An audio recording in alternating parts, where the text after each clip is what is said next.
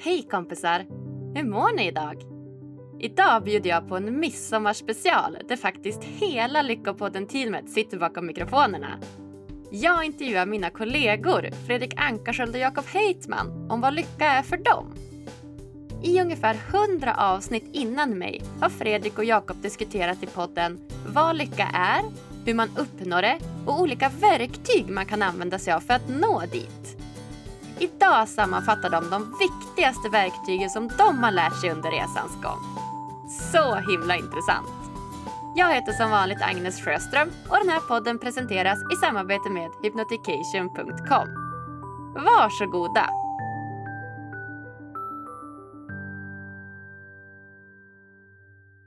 Då säger jag varmt, varmt välkommen till veckans gäster. Grundarna till Lyckopodden, Fredrik Ankarsköld och Jakob Heidman. Ja, tack så mycket. Tackar, tack.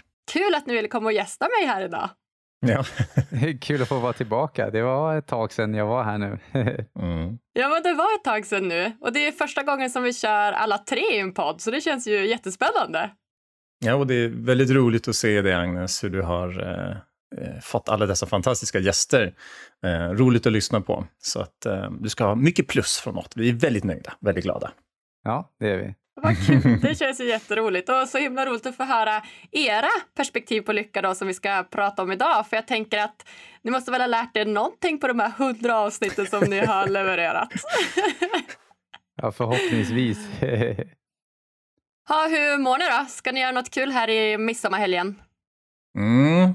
Jag ska åka till, ut på landet och åka lite jetski med mina vänner. Det blir lite en mindre samling eh, i år, men eh, vi håller traditionen igång. Det ska bli kul.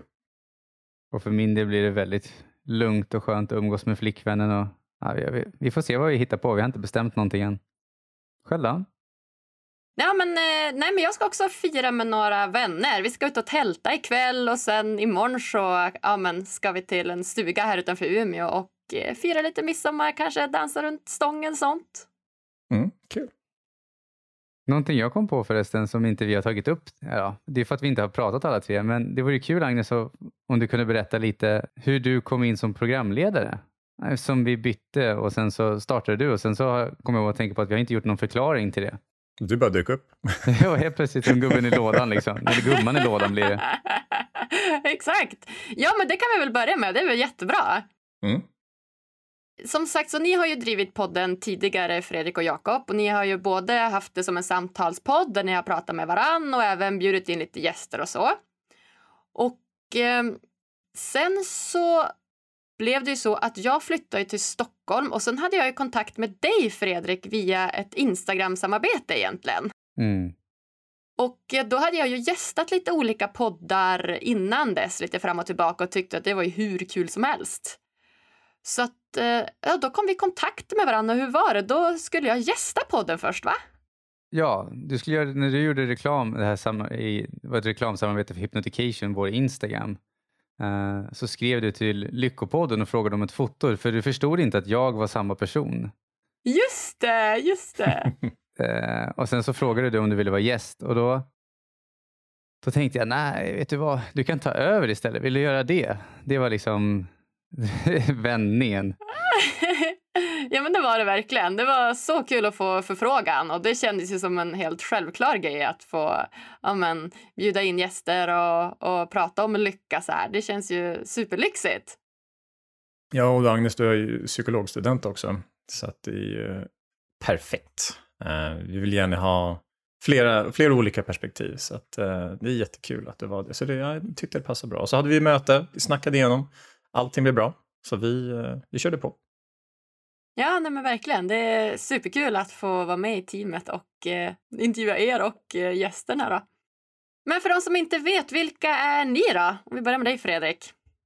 Och vem är jag? Alltså, ja, nu blir det filosofiskt direkt, men det har ju de tidigare avsnitten med mig varit, så det är väl inget annorlunda. Men jag skulle snarare säga, det är inte frågan om vem jag är, det är frågan om vem jag håller på att bli. För vem jag är, det är en samling, alltså det vem jag är är Alltså mellan 0 till 7 års under uppväxten formas ju jättemycket av vår identitet kring vart vi växer upp, hur våra föräldrars ekonomi är, vad vi har för, eh, vad vi går på dagis och alla de här sakerna. Och sen så fixeras det lite som att ja, men det, det är sån här jag är. Folk måste ju respektera vem jag är. Men egentligen kanske den, den jag är, det är bara en samling etiketter som jag har klistrat på mig.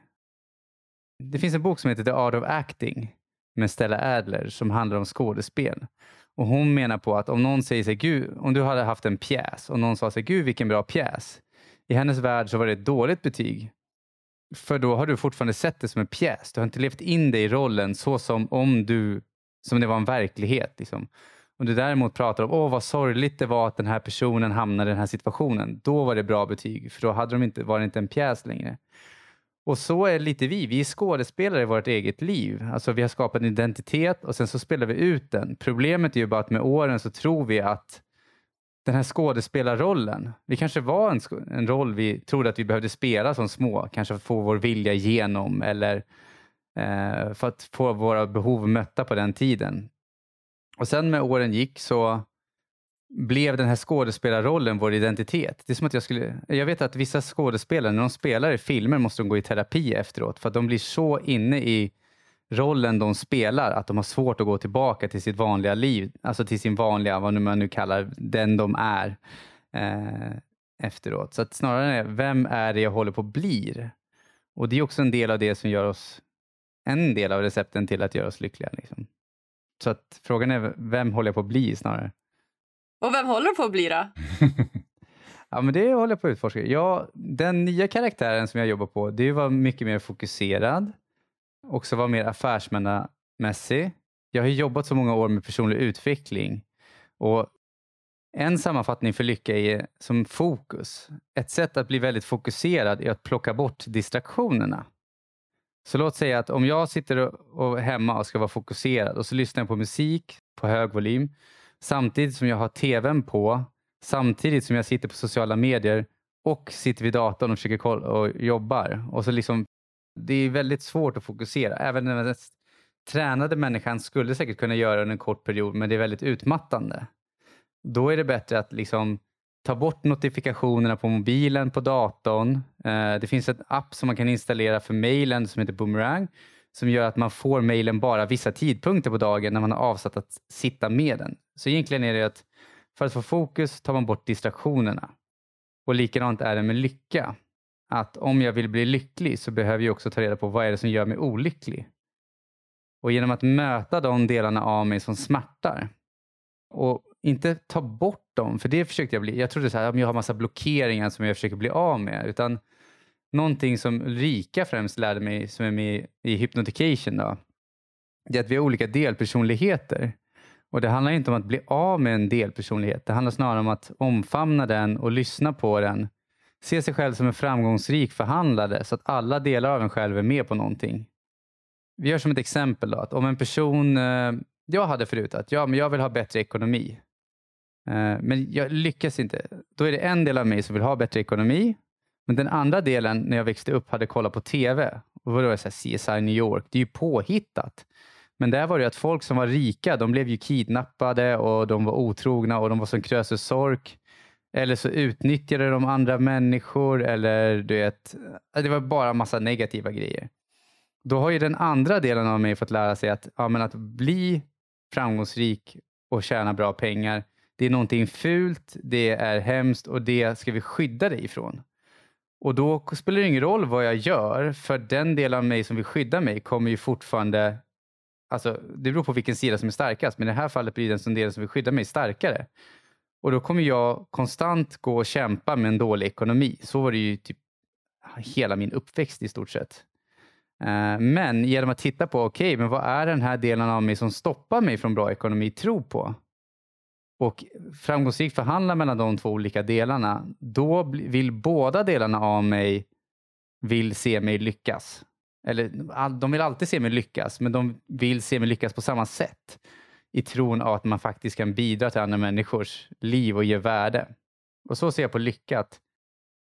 Blir man kongruent med de delarna av en som eh, vill vara lycklig så kommer man må bra. Och där finns det flera olika saker som att eh, använda projektioner med Byron Katie till affirmation men också ändra sin attityd. Ja, det finns massvis med grejer man kan göra där. Mm. Det låter verkligen som att du är på, på god väg att bli den du vill bli. Jag kommer aldrig lyckas, för jag kommer ju alltid hitta nästa. Liksom. ja, det är mer och mer och mer hela tiden. Men jag tänker att det är själva vägen också ibland som är någonting, något fint. Fördelen när man, som har hjälpt mig är att jag vet att uppnåelsen av målet inte gör mig lycklig.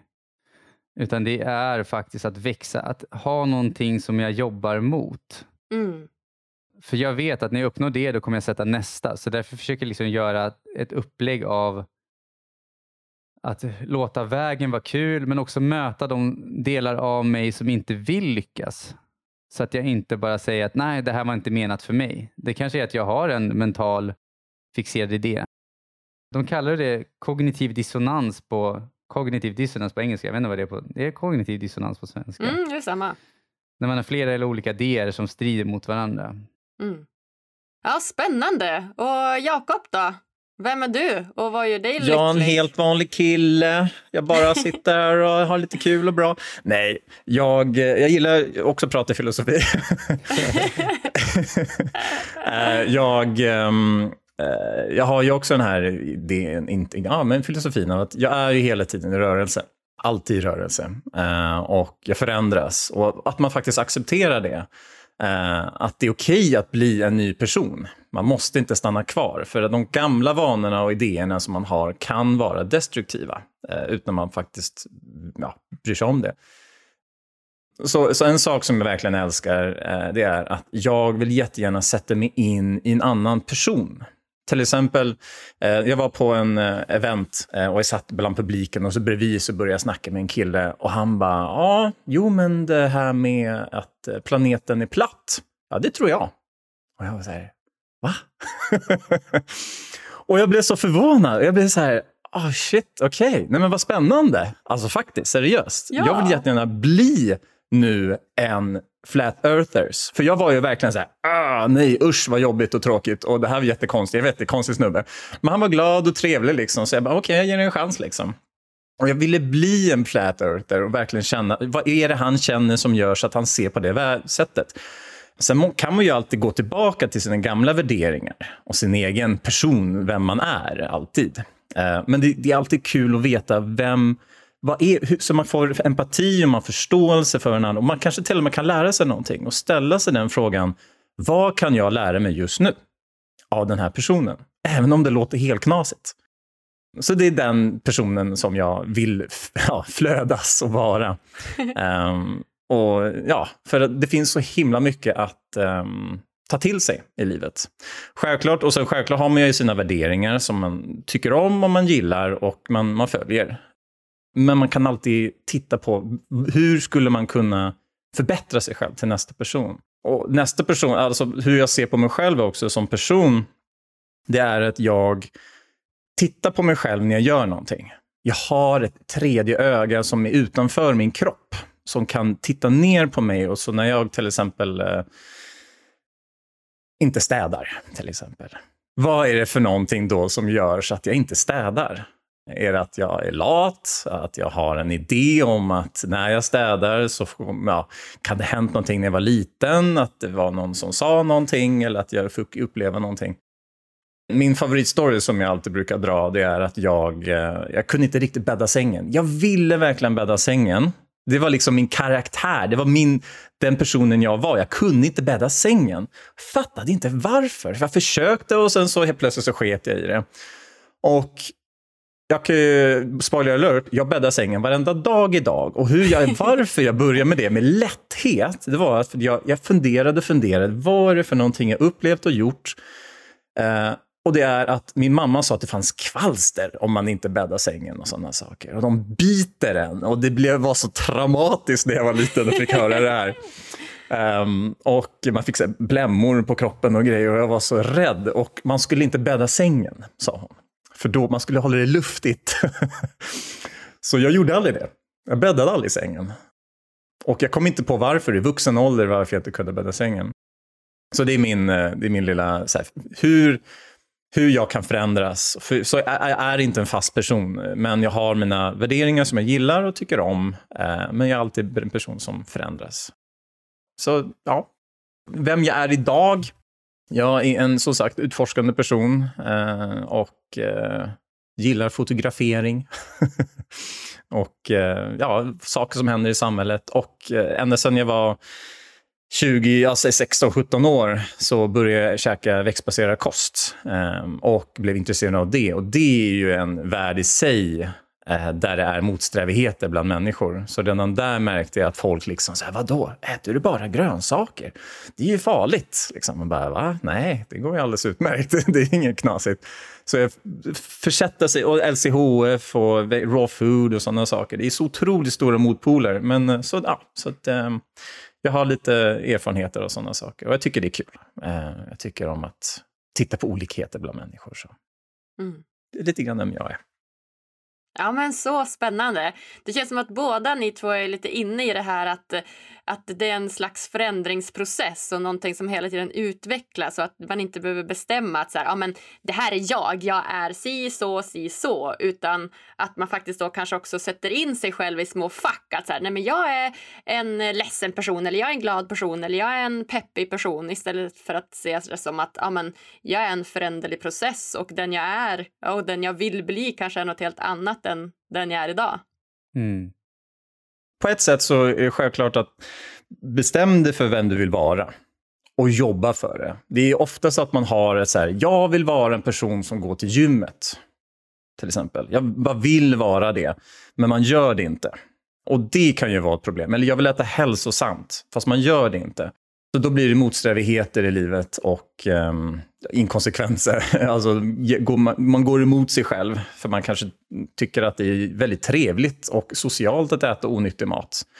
Så det är liksom olika idéer som krockar med varandra och sådana saker. Och så självklart, men när du väl hittar en person som du vill vara, bestäm dig för att vara den personen. Men ha alltid medvetenheten om att det går att förändra sig till kanske någonting bättre. Eh, men ja, som sagt, bli inte för strä. Det går, all, allting går, man kan bli för fast och man kan bli för disträ eh, till personligheten och sådana saker. Så, men ja, så det, ja, det är lite, lite så jag tänker.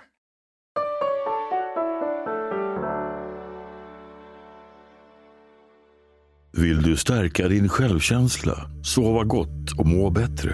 Då borde du testa vägledd självhypnos det enda du behöver göra är att lyssna, slappna av och följa instruktionerna. Gå in på hypnotication.com och hitta dina favoriter idag. Ange koden LYCKA för 15% rabatt på hela köpet. Om ni fick välja en sak som ni gärna gör när ni vill bli lyckliga eller glada, har ni någon speciell metod ni använder för att eh, bli lite lyckligare i vardagen? Jag använder mig av någonting som heter The Work av Byron Katie. Om jag stör mig på någonting eller någon, då skriver jag ner typ så här, ja, men jag stör mig på Agnes för att, ja, nu stör jag inte mig på dig på någon annan, men vad ska vi hitta på då? du har ärtor i öronen om dagarna, liksom. du tycker om det.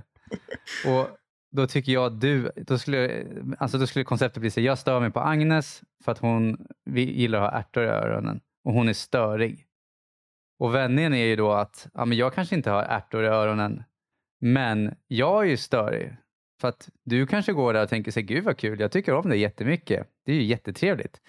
Men det är jag som är störig, för jag har de störande tankarna och går och tänker dem om dig. Så då är det jag som upplever känslan av störigheten. Så det är jag som lider av det hela.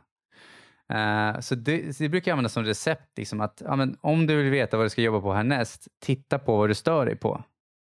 För är det så att man dömer andra människor så ligger det alltid hos sig själv. Sen så ska jag säga så att det är 50-50. Det kan ju faktiskt vara hos den andra människan också, så det är inte helt och hållet hos en själv. Och det andra är att jag lyssnar på självhypnos varje dag när jag ska sova. Så det är väl två av sakerna. Jag är ännu mer. Jag visualiserar varje dag också och lyssnar på positiva affirmationer även ibland dagtid, typ när jag står och diskar och gör andra grejer. Mm. Det var ju en, en, en Youtube-video som du rekommenderade, eller som jag tittade. Och eh, där var det en vegan, en, eh, ganska så här, hon var väldigt upprörd. Hon var upprörd vegan. Hon tyckte det var hemskt i världen och det var en hel del alltså, plågeri i världen. Hon mådde så dåligt. Hon mådde riktigt dåligt på grund av det. Och hon gick till den här eh, Byron Katie och gjorde the work eh, med henne. Och de gick igenom och hon, hon kom fram till sen att hon mådde bättre efter det för att hon kände sig, hon, kunde, hon kunde göra mera för djuren. Hon kunde vara mer lugn i sinnet. Hon kunde vara mer jord, jordad, så att säga. Och hennes känslor var inte vägen för henne i, rationella beslut. I bra beslut och ge välgenomtänkta beslut. Så när alla de här o, ja, oroligheterna, då kunde hon göra mera för djuren eh, i sitt arbete. Och det var någonting som, så här, ja, det här är ett tydligt exempel på hur hur man kan faktiskt göra det man är passionerad över, men även upprörd över. Men om man då jag lär sig bearbeta dem, då kan man faktiskt göra till och med bättre jobb om man är mer lugn i känslotillståndet, så att säga. Ja, det här fungerar ju väldigt djupt. Alltså, det låter ju lättvindigt när vi pratar om det. Det är därför jag skulle vilja beskriva också att jag kom ju från en värld för många år sedan när jag mådde så psykiskt dåligt att jag låg på soffan om dagarna. Jag, alltså det var en utmaning för mig att ens gå till matbutiken. Så jag låg väldigt mycket, spenderade större delen av dagarna på soffan. Alltså min mamma kämpade för att få mig ut och ens ta en promenad. Det var jobbigt ansträngande att duscha till och med. Liksom. Så det, jag kommer från en värld där jag har mått otroligt psykiskt dåligt. Jag rökte mycket, jag drack mycket. Jag skulle inte säga en alkoholist, men jag var väldigt duktig på att festa mycket. Jag vet inte fan vad skillnaden går, men jag skulle inte säga att jag är alkoholist på det sättet, för jag är inte beroende av alkoholen, men jag var beroende av att dämpa min ångest. Och det kunde jag göra genom cigaretter, genom alkohol, genom destruktiva beteenden, genom socker, genom onyttig mat, genom ja, allt möjligt som är skit för att försöka dämpa ångesten som jag hade. Och ibland hade jag så mycket ångest att enda sättet att vara slut på det var att gå och lägga sig och sova mitt på dagen. För då var det tyst. Så jag vill berätta liksom att jag kom, alltså många av de här grejerna som jag använder, jag tar inte så lättvindigt på det. Fast idag är det det för att nu har man en bra bas. Okej, så båda ni har egentligen jobbat eh, på det här sättet som eh, Byron Katie har gjort. Vart kan man läsa mer om det? Hon har ju en bok som heter Älska livet som det är som är väldigt bra. Mm. Ljudboken är väldigt bra eh, på hennes engelska också. kan jag rekommendera om man är på farten. Mm. Om ni skulle förklara liksom kortfattat, eh, du, du, sa till exempel Jakob det här med the work som hon, mm. som hon jobbar med. Vad, vad är det här the work kortfattat? Ja, hon ställer ju frågor. Och en av frågorna är ju, är det sant? För någon kanske kan säga att eh, mamma är dum mot mig. Och då ställer hon frågan, är det sant? Är det sant att hon alltid är elak dum mot dig? Då brukar de faktiskt säga nej, inte alltid. Så, så det de har repeterat i sitt huvud kanske inte alltid stämmer. Och då kan man väl göra så här, ah, okej, okay, hon är dum då. Ja, all right. ja, men ska man gå vidare på frågorna liksom, så att de här invanda, repeterande tankarna, liksom, de kanske inte är sant 100 procent. Första frågan är ju att beskriva sig. Alltså det är jättesimpelt, att man beskriver vad man tycker stör sig på hos den andra människan. Till exempel, jag tycker att den här personen är på det här sättet och därför känner jag mig så här. De får mig att känna sig på ett visst sätt. Jag kan ta ett eh, exempel som är ganska praktiskt. Det är så här, andra borde acceptera mig som jag är. Låt säga att vi har att jag, jag, jag tycker att andra borde acceptera mig som jag är. Och då är frågan, är det sant? Och då tänker jag så här, ja det är sant. Okej. Och så är nästa fråga, kan du vara helt säker på att det är sant? Och då måste man liksom om man säger nej så måste man hitta tre exempel. Och Anledningen till att man måste hitta de här exemplen är för att det är lätt hänt att säga så här, ja, ja, ja, men då så är det. Fast man, man vet ju innerst inne att man kanske inte tror på det. Ge de här tre exemplen. Okay, hur, ge tre exempel på att det inte är sant att andra borde acceptera mig som jag är. Och då kanske första grejen är, ja, men jag accepterar mig inte som jag är. Okej, okay, men om jag inte accepterar mig själv som jag är, hur kan jag förvänta mig att andra ska acceptera mig som jag är? Mm. Och andra grejen är då, accepterar jag andra som de är? Nej, okej. Okay. Så jag förväntar mig att andra ska acceptera mig när jag själv inte gör det. Och jag accepterar inte dem som de är, men de ska göra det mot mig. Mm. Och genom att hitta sådana här exempel då kan man ju titta på, okej, okay, men andra borde ju inte acceptera mig som jag är. För att jag accepterar inte dem och jag accepterar inte mig. Ja, men helt enkelt så borde ju andra göra som de gör. Och när man slutar försöka titta på att andra borde göra det, är då man kan titta på, det är då man sen, när man acceptera att det inte är sant så gör man en vän, vad som kallas vändningen. Det är jag accepterar mig inte som jag är. Alltså man byter ut dem mot jag. Mm. Och så ger man tre exempel på det. Och då kan det vara att, ja, vad ska vi hitta på då? Jag gillar ju storyn om gröten där. När Ja, ja, ja, den kan du dra Jakob. Ja, det var ju en äldre par och sen så var kvinnan då, hon, hon tyckte att hon satt ju där med Byron Kate i stolen där på scenen och så berättade hon att nej men vi var och handlade och sen så eh, och så tog hon gröt, en, så här, att hon skulle köpa gröt och så la hon det på bandet och han sa det, nej men det, det behöver vi inte köpa. Det, det, är liksom, det har vi redan hemma. Så han, jag tror han gick, tog den och så tog han bort den. Liksom. Eller, ja. Hon blev i alla fall upprörd över detta. Hon tyckte inte att han var schysst mot henne, att han betedde sig illa, att han inte liksom, respekterade hennes vilja. Men de, när de kom vidare till slutsatsen då var att hon var upprörd helt onödan. Han kanske var bara brydde sig om henne. Alltså han hade idén om att de hade säkerligen mat hemma och det kanske inte behövdes. Och det var det som var så kul, för Brian frågade ju under det här äh, samtalet som de hade. Bara, hade ni gröt hemma? Hon bara, ja. Bara? Ja, nej men, och hon insåg att det var, det var liksom, det var hen, hon mådde så otroligt dåligt. Bara för att hon hade en idé i huvudet.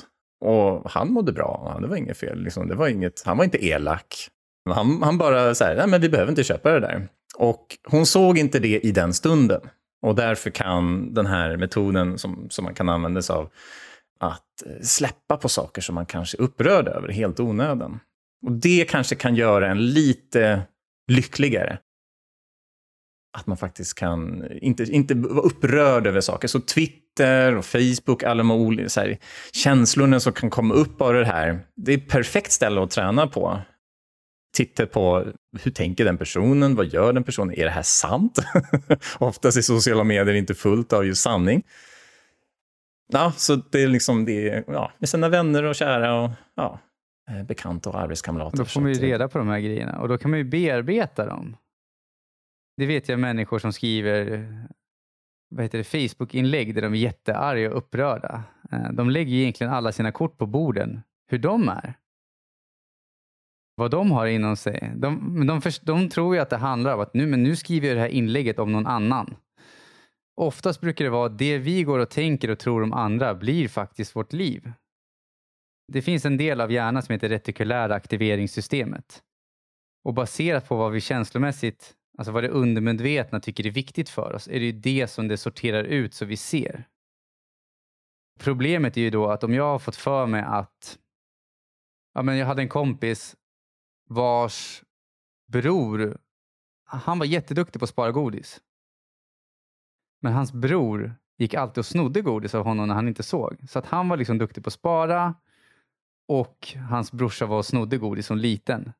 Och det här påverkar ju hans ekonomi som vuxen. Alltså som vuxen gick ju han och oroade sig att nej men vågar jag ens spara pengar? Men tänk om någon kommer och snor mina pengar? Ja, ah, men titta där. Och det gör ju att det här retikulära aktiveringssystemet hittar artiklar som bevisar för honom att ja, men den här personen snodde eh, vad heter det, sin släktings pengar eller liksom allt som har med stöld blir extra uppmärksammat för honom. Och då går han och tittar och skapar nya bevis som stärker hans identitet av att ja, men det, det, gäller, det gäller att vara verkligen försiktig så inte någon snor av en. Mm. Fast egentligen är det bara ett minne som fixerat som de sen hittar bevis för. Som kanske inte alls skulle behöva vara så i deras liv om de tittade på det och bearbetade de här känslorna. Och det finns ju flera verktyg för det, men då brukar jag använda hypnotications. Då har vi ju starkare självkänsla. Man kanske hittar någonting så här att, men det låter så här som den här kvinnan med gröten. Det var ju hennes självkänsla som var dålig. Hon var ju ganska elak mot sig själv egentligen. Och en del av starkare självkänsla som finns på hypnotication, självhypnosen, så får man gå in i barndomen och ge sig själv de grejerna man kände att man saknade just då. Och då fungerar det som en tidslinje, att man fyller det behovet så att man känner att man inte behöver det idag. Ja, men jättebra. Det märks verkligen att ni har så mycket vettigt att säga och att ni har lärt er mycket under, under poddens gång. Vad har du själv lärt dig då? Det jag har lärt mig från gästerna är mycket det, det ni säger. Det är mycket medvetenhet, är det många som pratar om. Att man ska vara medveten om sina beteenden, om vad man gör. Eh, visualisering, skitbra. Jag lyssnar själv på en, eh, en meditation varje morgon som eh, är 20 minuter och det handlar väldigt mycket om visualisering. Vem man är, vad man vill, vem man vill vara, eh, hur dagen ser ut vad man önskar och så vidare. Eh, mycket av den här kraften av att vara tillsammans, alltså att ge till andra och eh, relationer och hur mycket goda relationer påverkar en. Och jag har ju spelat in en, ja, lite över 20 avsnitt nu tror jag, så att, eh, det rekommenderar jag verkligen lyssnarna att eh, lyssna med på. Vad roligt. Hörni, då tänker jag att vi ska gå in på de sista frågorna nu då, lite kortfattat. Och eh, den första är, vad gör er riktigt lyckliga? Det som gör mig riktigt lycklig är en långvarig eh, tillfredsställelse. Alltså det som man lider igenom dag efter dag och man lider och man lider men man uppfyller målet genom att utföra den här jobbiga saken. Till exempel gå till gymmet.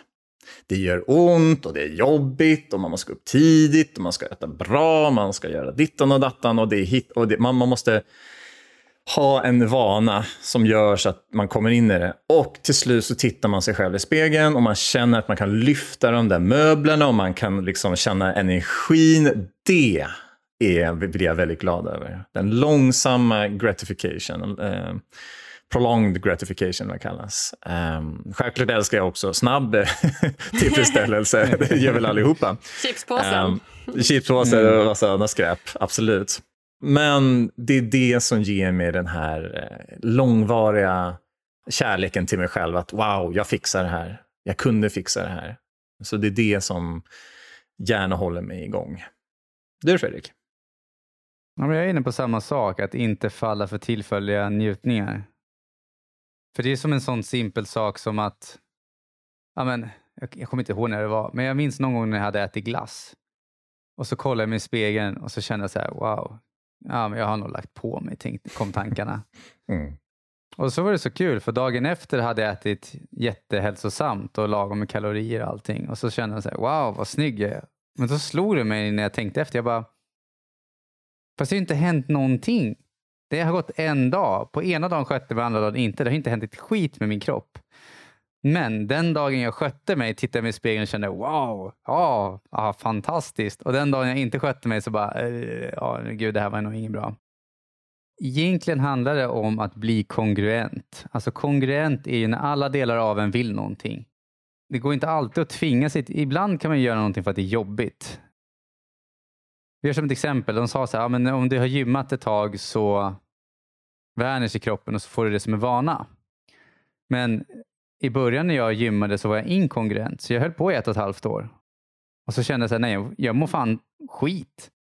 Det är inte kul, det var jobbigt, jag har ont i kroppen. Nej, och då sa jag upp mitt eh, medlemskap.